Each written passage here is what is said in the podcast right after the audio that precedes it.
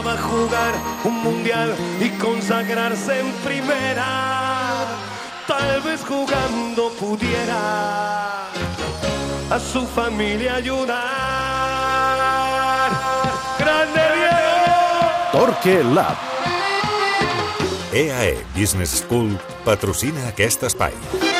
Ricard Torquemada, bona tarda. Bona tarda. Ara en parlàvem, el Barça ha de mantenir aquesta onada de resultats eh, positius amb l'asterisc de l'absència d'un dels principals referents ofensius com és Dembélé. A partir d'aquí, eh, barra lliure, alternatives, opcions, tot teu. Home, aviam, primer hem de veure si manté Xavi, jo crec que mantindrà la, la, dues idees, la del quatre migcampistes i després la d'un extrem i un altre davanter a l'altra banda per anar cap a dintre. Eh, L'opció dels dos extrems l'havia fet servir poc, per tant, el que m'imagino que insistirà amb aquest procés amb la idea que Rafinha assumeixi les responsabilitats i els galons de ser una mica l'extrem referència, l'extrem que pugui mantenir el pes de l'equip. Doncs aturem-nos aquí un moment, perquè tu has estat gran defensor de, de Rafinha, jo no diria que ha fet una mala temporada fins ara, però no ha cobert en absolut les expectatives del, del seu fitxatge. Tu, tu creus que ara farà el pas endavant?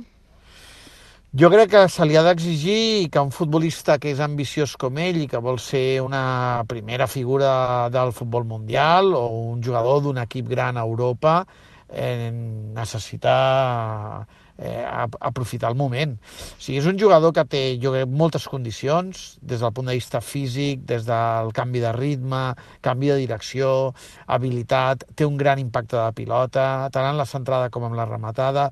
És un jugador profund i, i les seves temporades als Leeds, al Leeds parlen d'un jugador super ambiciós, o sigui, competitivament, un jugador que no en tenia prou mai. Mm eh, jo crec que aquí, quan arriba a Barcelona i comença a baixar el rendiment i veu que Dembélé està per davant i Xavi ja fuig de la idea dels dos extrems, la sensació és que ha anat baixant una mica el rendiment o que mentalment no ha mostrat la confiança i l'alegria que desprenia. Són jugadors que quan els veus jugar saps quin estat anímic tenen i no es veu a refinyar ara amb la sensació de gaudir un terreny de joc com quan ell ja està bé. És a dir, per simplificar-ho, si veiéssim, si aconseguíssim veure el Rafinha del Leeds, tu creus que hauríem de notar poc l'absència la, de Dembélé?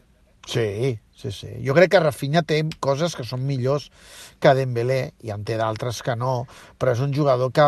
O sigui, el millor Dembélé i el millor Rafinha per mi no estan tan lluny eh, tenen característiques diferents. Eh, per mi Dembélé té eh, l'avantatge de que és un jugador superdotat per la idea de tenir els dos perfils, les dues cames, eh, la velocitat i l'acceleració, però Rafinha, per exemple, des del punt de vista de la precisió, de l'impacte de pilota, de la tensió de, de la seva rematada, de la seva centrada, això Dembélé no, no ho té, per exemple. No? És un jugador que facilita molt el receptor, a vegades les seves entrades gairebé és que només les has de tocar i agafen direcció a porteria. No? I els seus xuts són xuts que tenen eh, trajectòries eh, complicades pel porter perquè fa servir molt l'empenya exterior eh, o l'empenya frontal. Eh, jo crec que és un jugador que, que té un gran potencial. El que passa és que eh, ja ho sabíem també, que a Barcelona l'examen que havia d'aprofitar és el, eh, o que havia de provar era el mental, era el de sentir-se, eh, no sentir-se petit en un club que a vegades aixafa segons quines, eh, segons quins talents, no? Eh, I mentalment, eh, la veritat és que la seva resposta per mi no ha estat la millor en aquests primers mesos de temporada. Però vaja, que, que té l'oportunitat i que se li ha d'exigir ara, ara és el moment, no, no, quan, no, no reivindicar-se o queixar-se quan clarament Dembélé està per davant d'ell, sinó ara quan té la possibilitat i el Barça li demanarà que sigui titular i que sigui l'acompanyant de Lewandowski, més enllà que Xavi a l'altra banda faci servir per migcampista o un altre davanter. Uh -huh.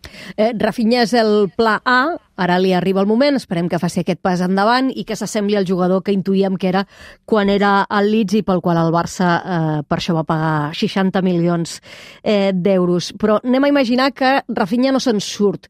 Tens alguna proposta alternativa, algun pla B per generar aquest desequilibri d'alguna altra manera que no sigui amb un extrem, perquè és que d'extrem només tens uh, Rafinha, d'extrem que, sí, que entenem sí, sí. que se'n vagi de l'1 contra 1. Sí, de deixa'm abans de passar aquest capítol donar, donar algunes opcions que poden ser secundàries pel, pel tema de l'extrem. Uh -huh. A Valde l'hem vist obrir la banda, és una opció alternativa perquè el jugador que eh, eh, doni amplitud sigui a la banda esquerra i, i fer servir algú de la dreta cap a dintre. Per exemple, Ferran se sent molt còmode a la posició d'extrem dret, però no és un jugador que et pugui donar amplitud i profunditat a través del desequilibri, sí a través del moviment a l'espai, però en canvi podria combinar perfectament que Valde t'obrís la banda esquerra eh, i, que, i que Ferran anés cap a dintre. Estic buscant opcions que no són sòlides ni consistents, sinó que són opcions d'emergència. Uh -huh. I després que Xavi eh, trobi algun jugador del, del filial o del juvenil que li semblin eh, eh, extrems que puguin donar eh, minuts de qualitat. No oblidem que quan Xavi arriba en una situació de màxima emergència fa servir Elias, després mm. apareix Pedrola, si no m'equivoco, Sí. eh, que són Abde, que aquí també dona, dona continuïtat, dona minuts a les seves primeres aparicions. Recordem aquell partit a Pamplona del Mr. Meize Genkare i Oncaro.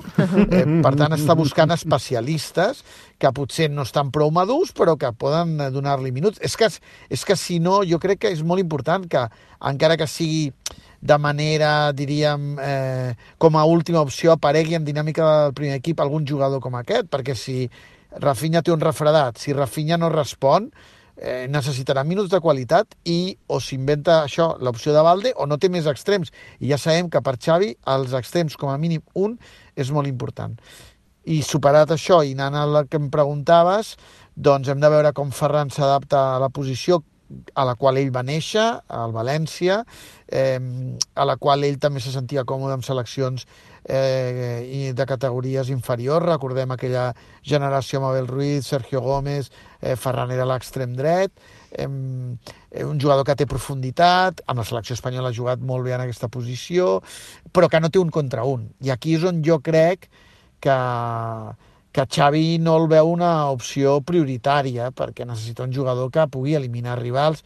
Ell es mou molt bé a l'espai, ell entén l'amplitud i la profunditat, però no té aquest cara a cara. Eh, ni, no, no hi veig gens a Anso en aquesta posició, eh, i per tant aquestes serien les alternatives així que se m'ha que, que, que tinc al cap així de cop al vot. Mm. Eh, M'apunto a, a la idea de bussejar en el, en el futbol base perquè on hi ha especialistes de la matèria és, Ah, exacte. és aquí, on en teoria tots els equips de la base juguen amb extrems, cosa que no passa al, al futbol mundial i per descomptat el primer equip eh, d'especialista només tens, només tens eh, Rafinha.